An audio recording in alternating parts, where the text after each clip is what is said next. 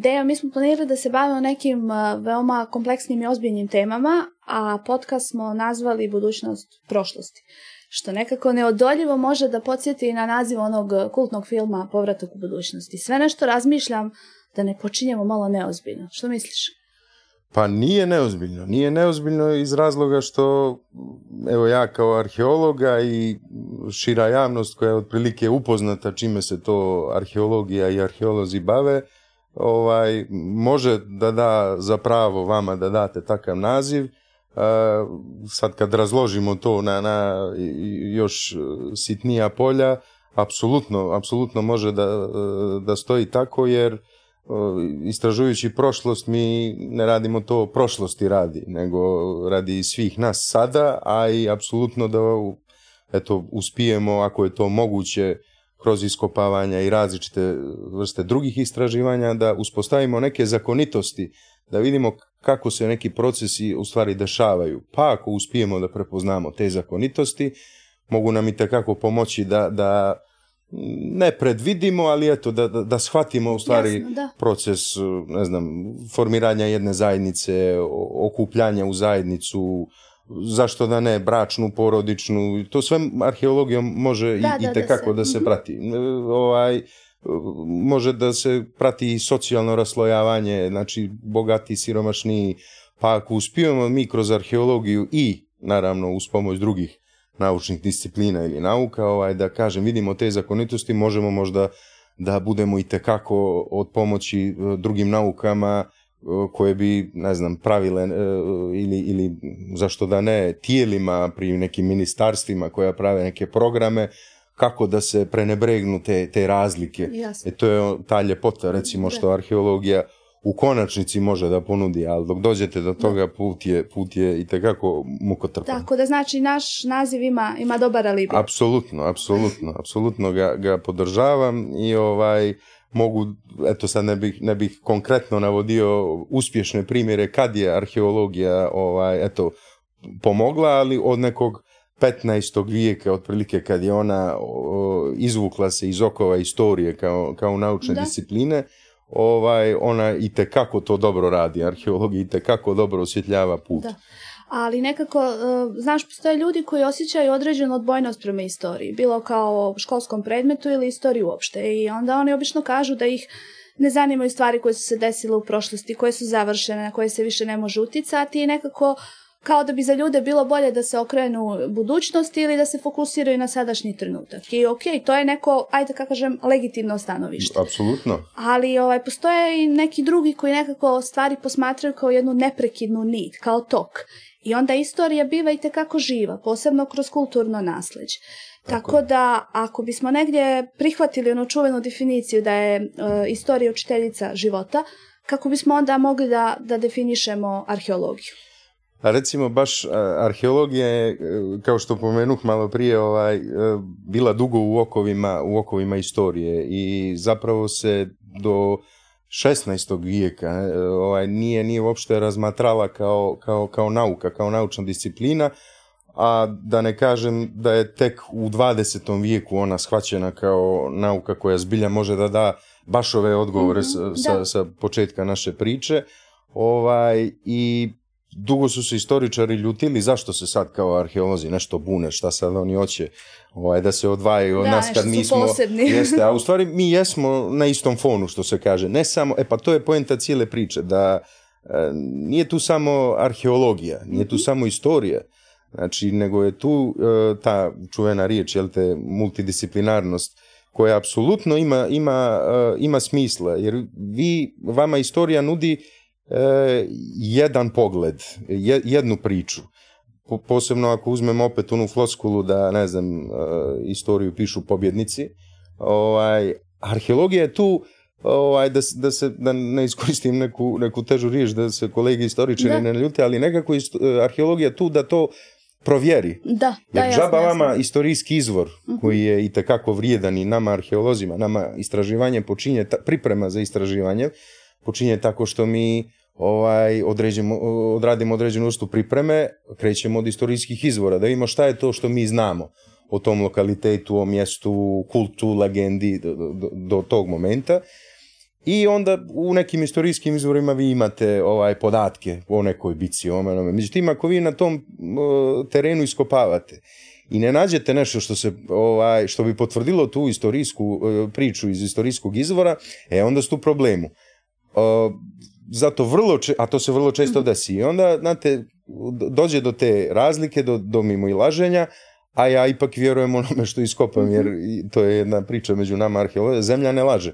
Da, znate, vi što iskopate, e sad, interpretacija toga što iskopate, opet, to je jedna druga priča i tiče se naravno samo arheologije, ovaj, znalo je i to, nažalost, da bude zloupotrijebljeno, ali generalno ovaj, svi ti podaci koje dobijete iskopavajući nešto iz zemlje su i tekako vrijedni, pa ako nismo dovoljno pametni da interpretiramo to na pravi način, ovaj, doće neko nekad pametniji, zato, je, zato ima taj moment u arheologiji koji je jako bitan, znači iskopavanje je samo jedna od, od, jedan od koraka, znači pričat ćemo vjerojatno o tome, ali je pohrana, čuvanje svega toga i tekako bitno da jednog dana dođe neko pametniji, izvrši neku reviziju i kaže pa kako niste vidjeli da to nije recimo ne znam mhm. taj taj vijek da se to nije odigralo zbog toga nego evo zbog, zbog ovoga. A to može ovaj, i, i to se radi zato što evo tek sad recimo otvaraju se razni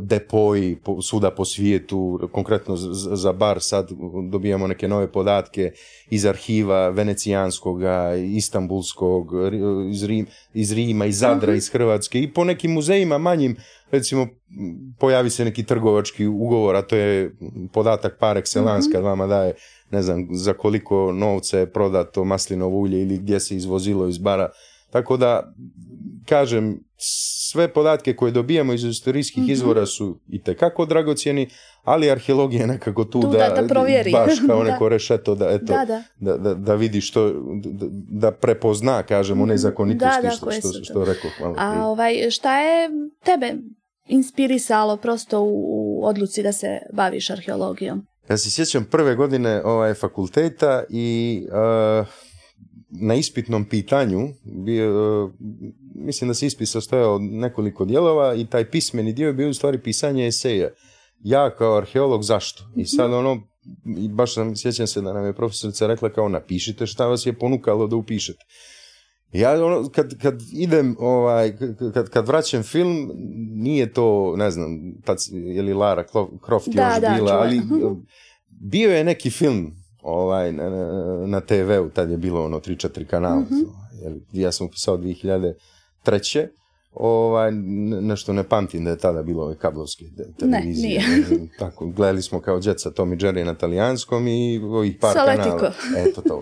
I ovaj, bio je neki film, ali e, mislim da je bio Hodač po vatri, čak Norris i Sharon Stone možda i oni kao za glave u, negdje kod nekog plemena pa hoće da iskuvaju u jednom velikom uh, keramičkom loncu, pitosu mhm.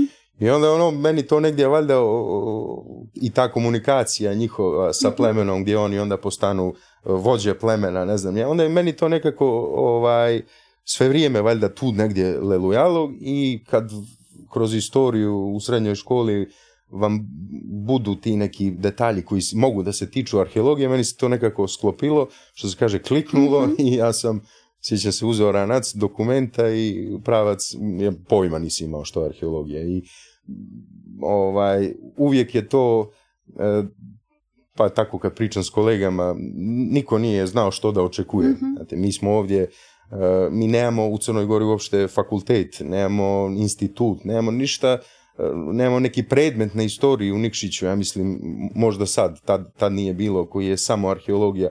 Ok, istorija arhitekture, taj neki mhm. pregled, ali i onda kad pođete i vidite kakvi vam se tu svjetovi ovaj, otvaraju, je to jedno neiscrpno polje koje e, samo u saradnji sa drugim naukama može da, dati da, Da, da, multidisciplinarno što si pominjao. Ba, baš, to, mhm. to onako sve više i više se potvrđuje jer, znate, vi na iskopavanju treba da dobijete neke podatke, recimo nađete komad kuhinskog lonca, nemate druge e, repere za datovanje, za odrađivanje starosti, a ti lonci, posebno kuhinska ta keramika, ovaj, ima neka koja je izuzetno ovaj, osjetljiva na to datovanje u smislu ukrasa i u sastavu i sve, ali ima neke koje može biti, ne znam, praistorija može biti srednji vijek i sad da ne lupate, da ne promažite, ne znam, 20 vijekova ima ta analiza, jel te, koja eh, je čisto, čista hemija, mhm. radi se u laboratorijima i onda mi rezultate te nauke koristimo da bismo, eto, ovaj, dobijali odgovore na naša, na, na ta, a ta pitanja koja mi postavljamo su pa to je, to je čuveno isto među arheolozima, još na fakultetu. Mhm. Arheologija je nauka koja ovaj, mnogo više postavlja pitanja nego što daje odgovora. Ali dobro i to, kad znate da, da, da postavite pitanje, da vidite, da imenujete problem. Kažem, nešto ćemo riješiti, nešto nećemo, doće možda neko nekad pametniji. Kako nam kažu, kakva pitanja postavljate, toliko način na koji postavljate pitanja, toliko znanja vam pripada kao tako je. to. u tome je poenta. To su ovi svjetovi koje mhm. pomenu da, su vam se otvorili vi vidite da vi morate da imate obrazovanje iz književnosti da bi mogli e, da, da se recimo bavite određenim lokalitetom. E, ponekad je to i znanje o kretanju zvijezda. Mhm. Mislim, učite o, ne znam, sjećam se isto nekih seminarskih s prve godine Eh, pa sam ja baš pisao o baru u to mhm. neko vrijeme antike, kao u Budvi Emporium u vrijeme eh, antičke Grčke, šta, se dešava s barom, nemamo, mhm. podataka, ili to bilo u Luci bar, E onda vi vidite da su oni, eh, kako su, kako su se, kako su plavili, mhm. znači to opet morate da neko znanje da čitate neke knjige, ne postoji udžbenik. Da, U arheologiji nemate udžbenik kao, nego vidite spisak literature, pa onda prošireni, ono, poželjno što da čitate i sami istražujte. I će mhm. završite mhm. ispit, možete da spremate ovaj, pa naravno, dešavalo se da se pojavljuju nekakve skripte, mhm. da, da ovaj, se to sprema brzo, ali možete da ga spremate godinu, dvije i da opet niste sigurni da ćete ga položiti. Jer kažem, ogroman je, ogroman je e, spektar znanja koje, koje nudi arheologija i baš ovo postavljanje mm, tih pitanja.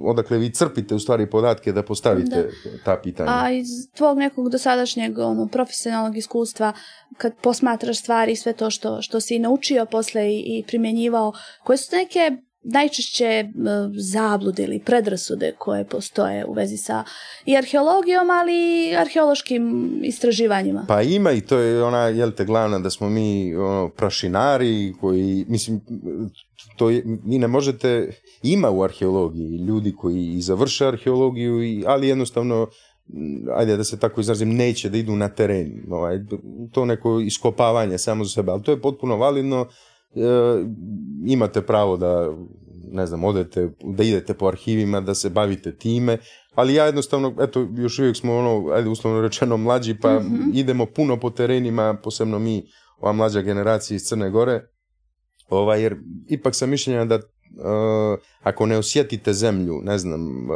i ako vas ne E, strefi kiša na sred terena, morate, poenta cijele priče je da shvatite ljude, da shvatite procese i život koji se odvijao ovaj, e, na tom lokalitetu. Mi možda da iskopavamo, vrlo često se desi da iskopavamo nekropovu, groblje. Mhm. Recimo u Duklju, u Podgorici smo iskopavali jedno groblje, ali poenta je da vidite ljude iza. Znači, e, to posle izvjesnog vremena postane onako jedan mehanički proces to iskopavanje i niste možda svjesni da kopate grob, da kopate mhm. osobu, ne znam, koja je sahranjena prije 2000 e, godina, mhm. recimo, ako je, ako je e, ili 1700, eto, ako mhm. su iz drugog, trećeg vijeka, ovaj, ali poente da vidite, da vidite tu osobu, pa ako nađete neki grobni prilog, ili, ne znam, nadgrobni spomenik u, u smislu da možete da ga pročitate, e onda to usložnjava cijelu priču, i možete možda da znate ko je sahranjen, pa nađete neki istorijski izvor ili dobijete podatak da je možda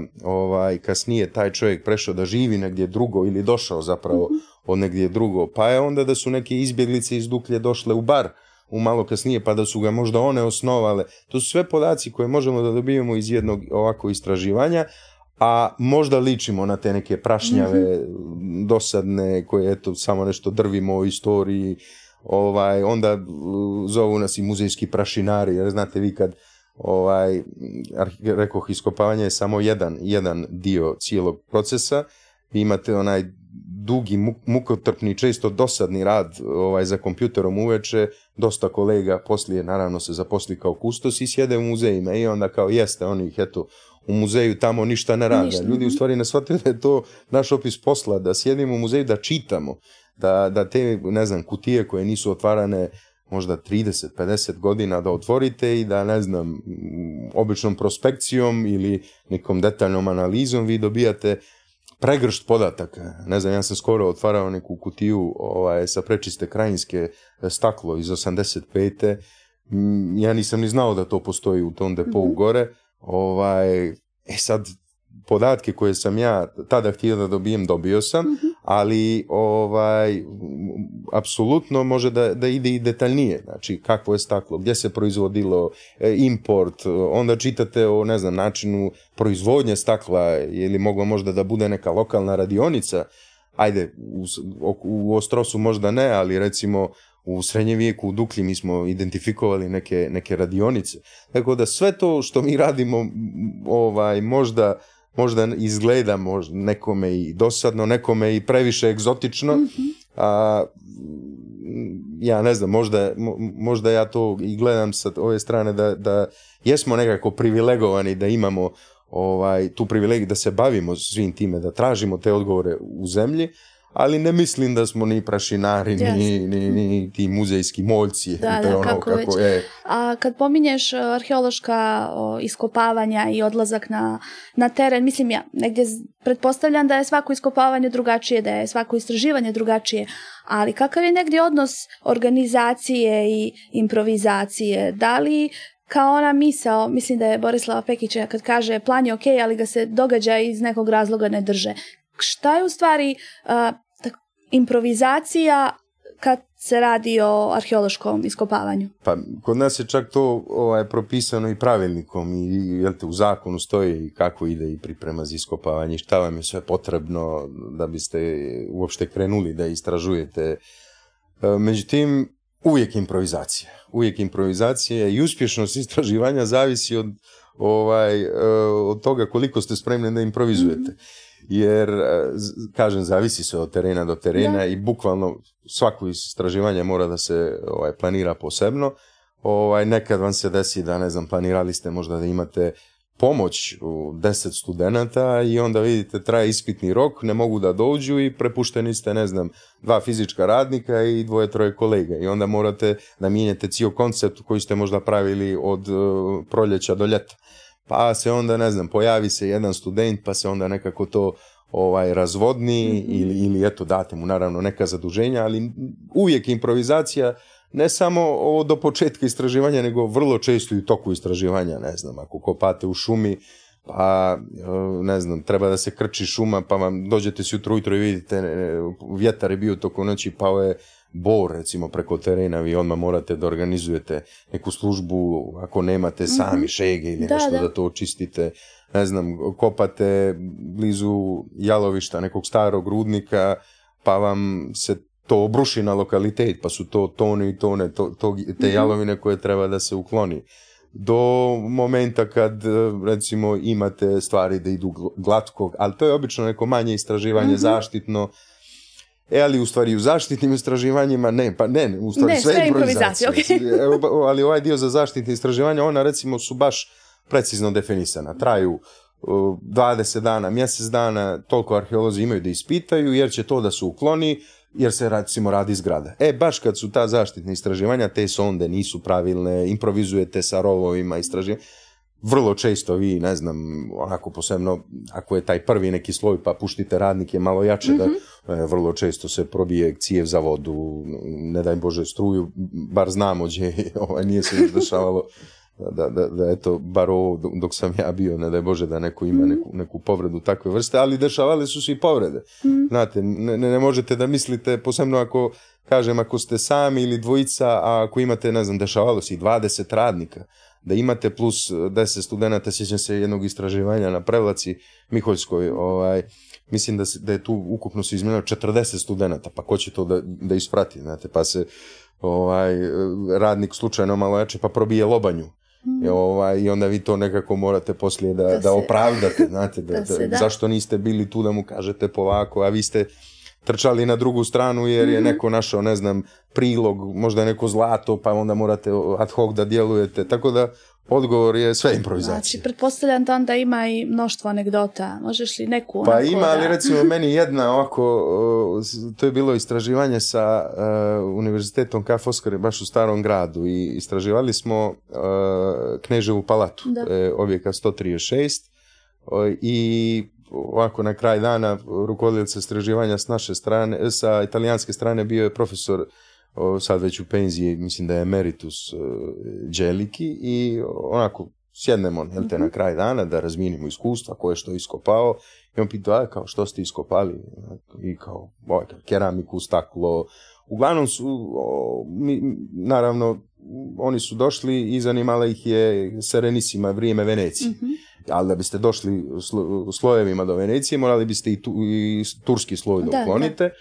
I ovaj, naravno da su i to obrađivali potpuno ovako stručno, isto kao venecijanski materijal, međutim, ovaj, kolege i ja smo, ovaj, nismo čak ni bili sigurni što je, ali ovaj, evo, kao profesor iskopali smo nešto da vidimo, pa kao dajte da vidim, dajte, pa evo kao da vidimo mi par dana, možemo li neka analogija, pa ja ću da vam kažem. A nama je već jedan stari kolega ovaj, natuknuo što bi to moglo da bude. Mhm. I Uh, kao ajde daj mu mhm. on uzima u ruke, gleda, a to je u stvari bio, uh, mi to zovemo koprolit, uh, to je okamenjeni ljudski izmet i to je ovaj i, i takakav podatak. Vi znate da je tu opet znači neki proces postoje, jel da, život, ono, I ono kao kao uzeo i bacio kao, pa dobro, niste baš morali da mi date da držim. Iako je naravno to ovaj staro, iz srednjeg vijeka, mhm. staro 500 godina, nema mhm. tu nikakvih, sve, kažem, okamenjeno je. Ali je taj moment njegov kako je bacio to iz ruka, Ovaj, kao, što, što mi dajete ovo? Ja mislim da je Zažalio što je insistirao. pa zbog toga, kao dajte, dajte, a mi nećemo jer kažem ovaj stariji kolega, nam, e, nam je natuknuo što bi to moglo biti, a zbilja jesmo o tome čitali, ali ja to nikad nisam vidio do tada i eto, na kraju eto, imamo ga u, u, u starom baru. Da, ali pada mi na pamet da ovaj, kao da nema ono velikih i, i malih otkrića ili ne znam, u principu sve što, što se eh, iskopa ili sve što se otkrije, sve nosi neku informaciju, pa, sve je dragocjeno. Baš ste sad u stvari nadovezali dobro na, mhm. na, na, na, na ovu priču taj recimo podatak iz koprolita koji mi možemo da dobijemo ne samo o starosti, nego uopšte o, o životu, o procesu. Opet ja, ja se mhm. uvijek vraćam na taj proces jer je to u stvari jedino bitno. Mhm. Mm, vi kad gledate Stari grad bar vi vidite jedan proces koji e, kontinuiteta života koji traje, ne znam, 5000 godina. Nalaza iz bronzanog doba, ne znam, drugi, treći milenijum do, do dana današnje čak i poslije rata 1878 porodice koje su živjele. Pa nakon zemljotresa su bili ljudi koji su živjeli da li su to bili ateljeji ili nešto tako, ali mhm. opet grad je bio živ. Sad eto, kroz nas tamo koji radimo, mhm.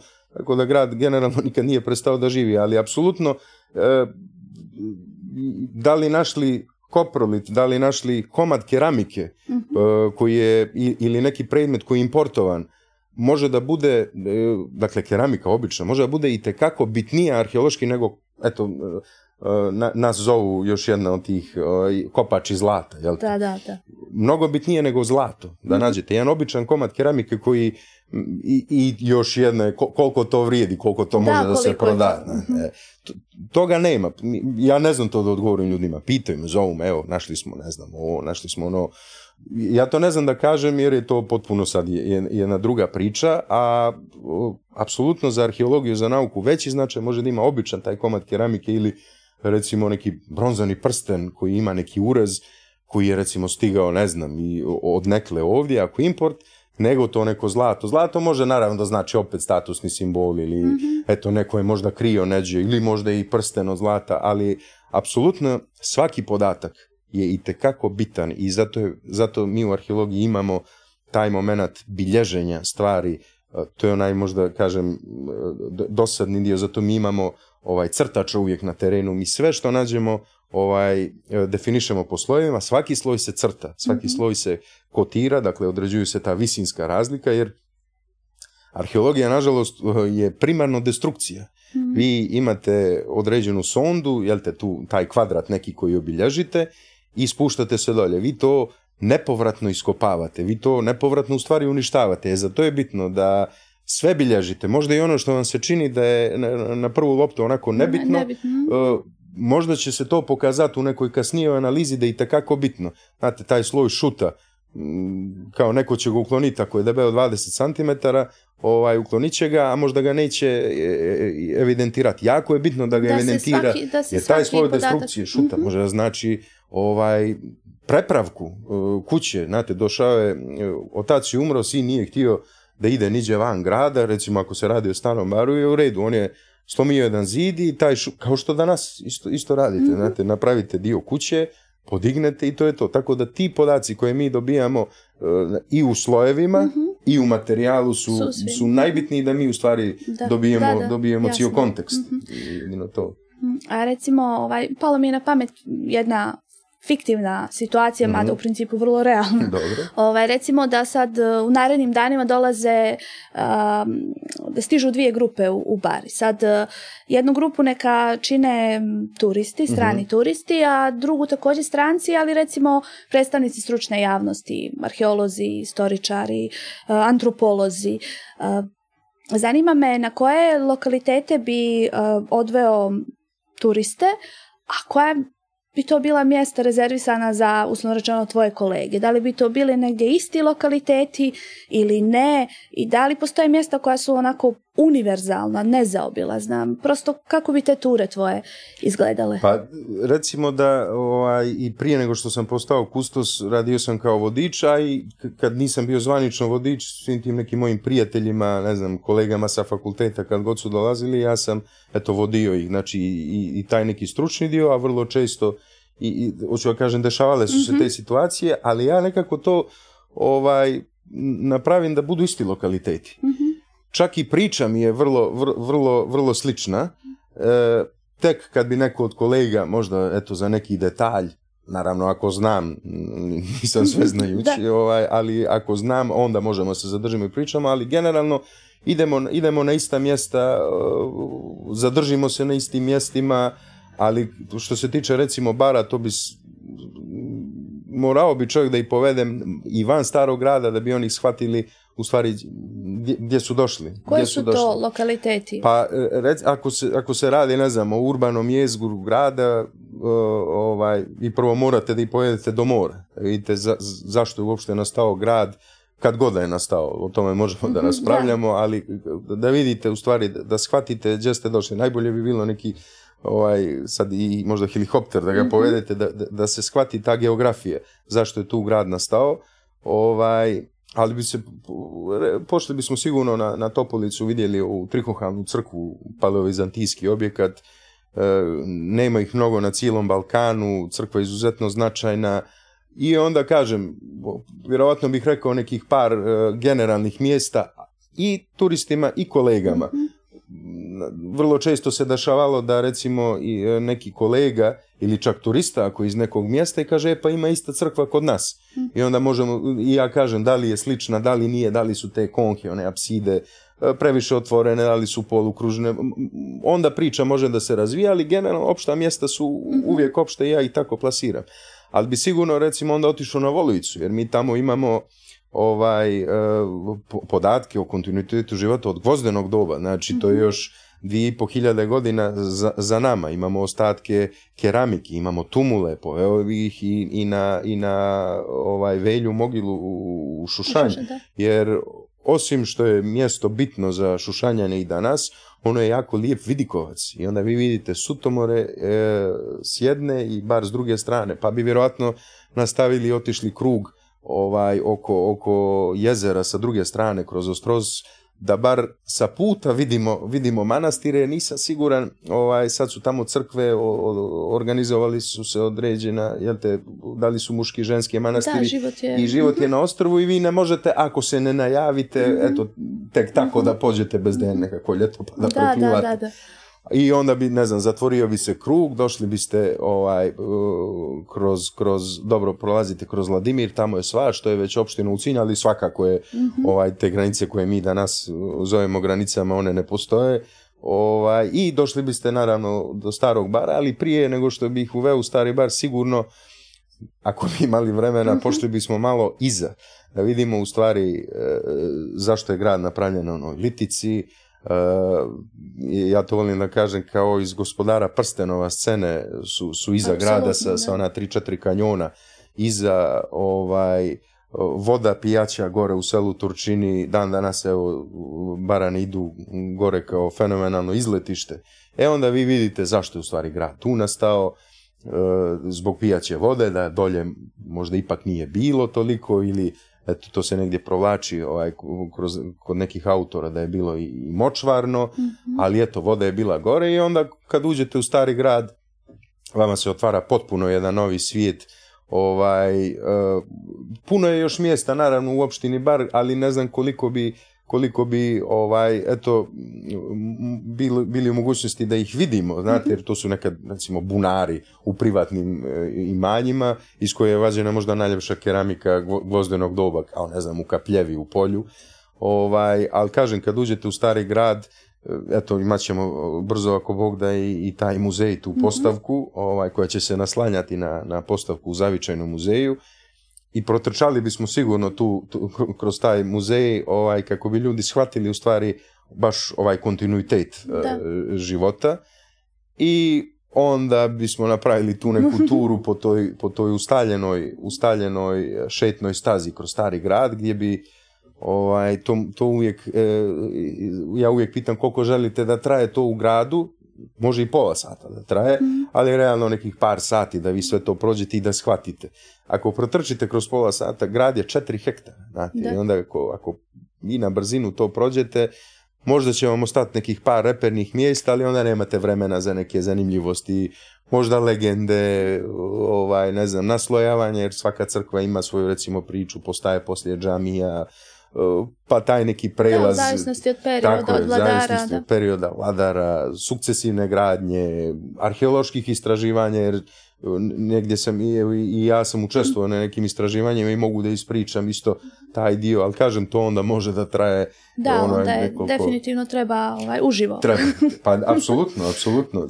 Ja, mislim, poćemo sigurno i ovako nevezano i od, mm. od, podcasta i od snimanja, ali mm. gore je, gore, ovaj, kažem, otvaraju se novi svjetovi i sve ovo što smo pričali, E, do sad, do mhm. konkretnog, je apsolutno gore dobija neki, do, dobija neki smisao, gdje ljudi su mogli da nas vide, ne znam, kako džiđim u tim sondama dolje i prljavi i nikakvi i glibavi, a gdje vi onda e, vadite neki predmet i gdje se isti ti ljudi oduševljavaju i onda vas pitaju šta, aha, što to, i onda, ne znam, vadite recimo tanjir sa, ne znam, ukrasom lava ili nešto i onda M turisti, M stručna javnost, M mi se oduševljavamo. I onda kad prođe to uduševljenje, e, imate onu neku obavezu, jel kroz te kartone to da da dobacite i onda polako shvatate u stvari kako, koliko je stari grad da, pa... u stvari bio značajan, a i značajan za nas sad. Da, sam htjela da, da, ovaj, da pomenem, ja mislim da većina naših sugrađana i ljudi Crne Gora i turista nakon posjeta, nakon informacija negdje znaju da e, zaista ljudi na ovim prostorima nisu bili, ono nije mi posmatrači nekih dešavanja, već da su zaista aktivno učestvovali u kreiranju istoriji, da stari bar nije samo, ne znam, neko kameno utvrđenje na nepristupačnoj litici, nego bukvalno da je bio žila kucavica i ovog predjela, a i šire i da je zaista od neprocjenjivog značaja. Apsolutno, apsolutno. Vi sad imate Eh, koji god aspekt, eh, ne znam, razvoja ljudskog društva da uzmete, vi možete da ga pratite u starom narodu. Ako je to, recimo, ne, mora to biti ovaj uski, usko stručni dio, ne znam, materijal, datovanje, keramika, obrada,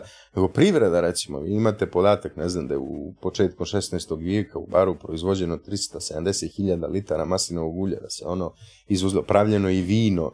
Znači, ima, imali ste Eh, grad je kovao svoj novac. Eh, nismo još našli našli radionicu, ali eto, ovaj, tražimo je. Mhm. Eh, grad je vjerojatno pravio tu lokalnu proizvodnju keramike sigurno.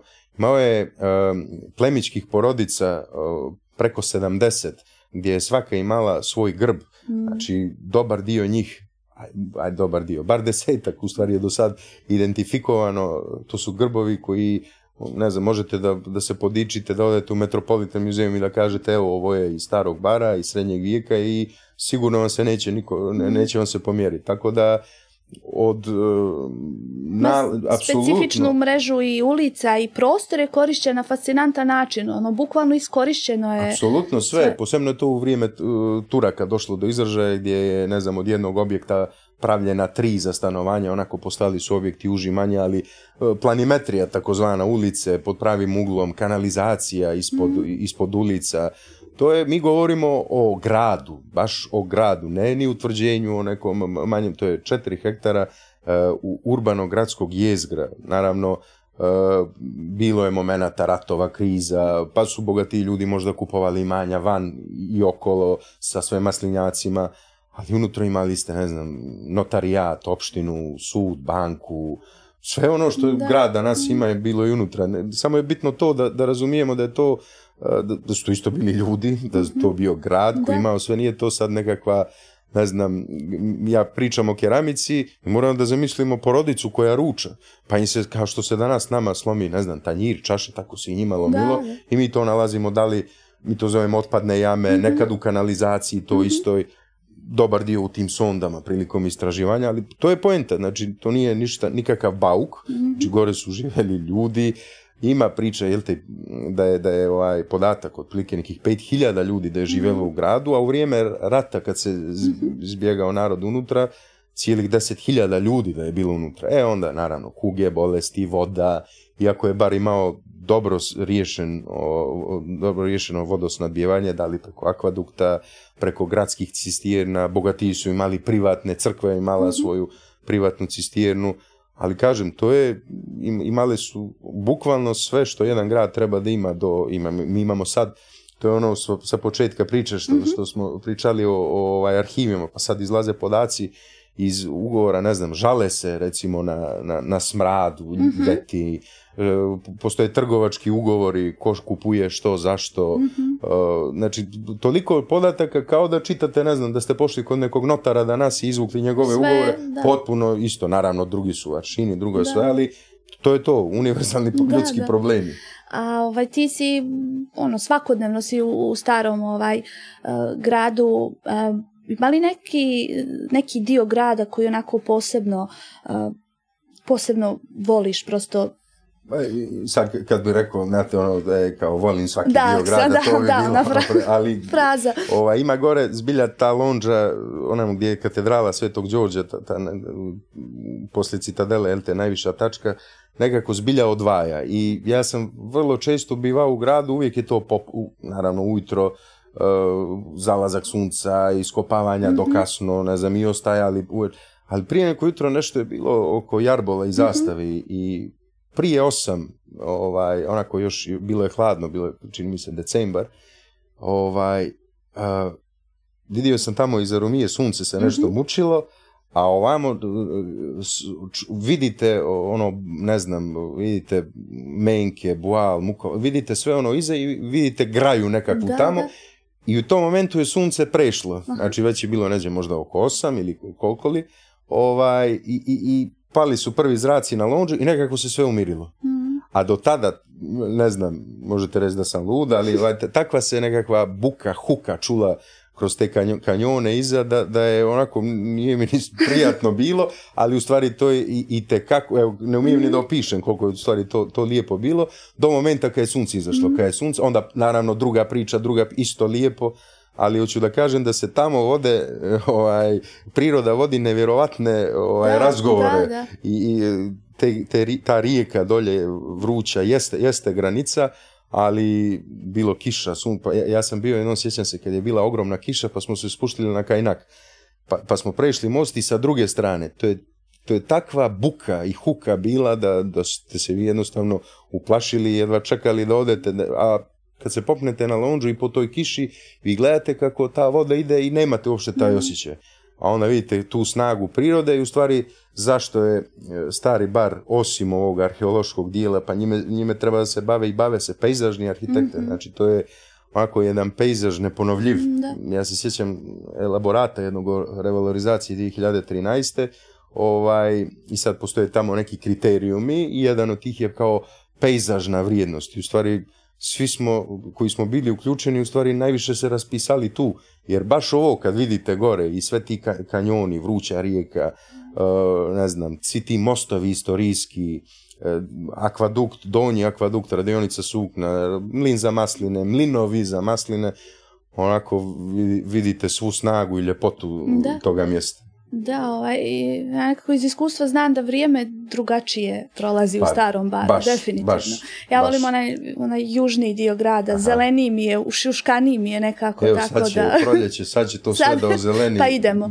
Do, dođite da, da, ovaj, osjetite mi, mediteranski. Da, mi barani se nekako malo zanesemo kad pričamo o starom gradu, jer mislim da svi imamo neke svoje uspomene i impresije i nešto nešto nekako jedinstveno što se budi i pri pogledu na grad i e, kad se uspinje ka- kaldrmom, jednostavno nekako je, nekako jedinstveno. I mislim da bi mogli još dosta da pričamo i svakako ćemo dosta ovaj, govoriti o starom baru i o nekim drugim ovaj, lokalitetima, ali eto, sve te priče ostavljamo za neki ovaj, naredni put. Ne valja sve ne, ne, ne, mnogo bi bilo. A i dosta informacija pa da pa se, da se procesuira. zato kažem, treba doći, vidjeti i osjetiti ovo čemu sam pričao na lunđi i dolje, to ne može da se ne, prepriča, ni na slika, ni ništa, da se, ni, da ni, opiše. Dođite da ne. vidite. Dejo, hvala ti puno, pa idemo u stari grad. Ovaj, biće, još prilike. Super, Hvala. Super.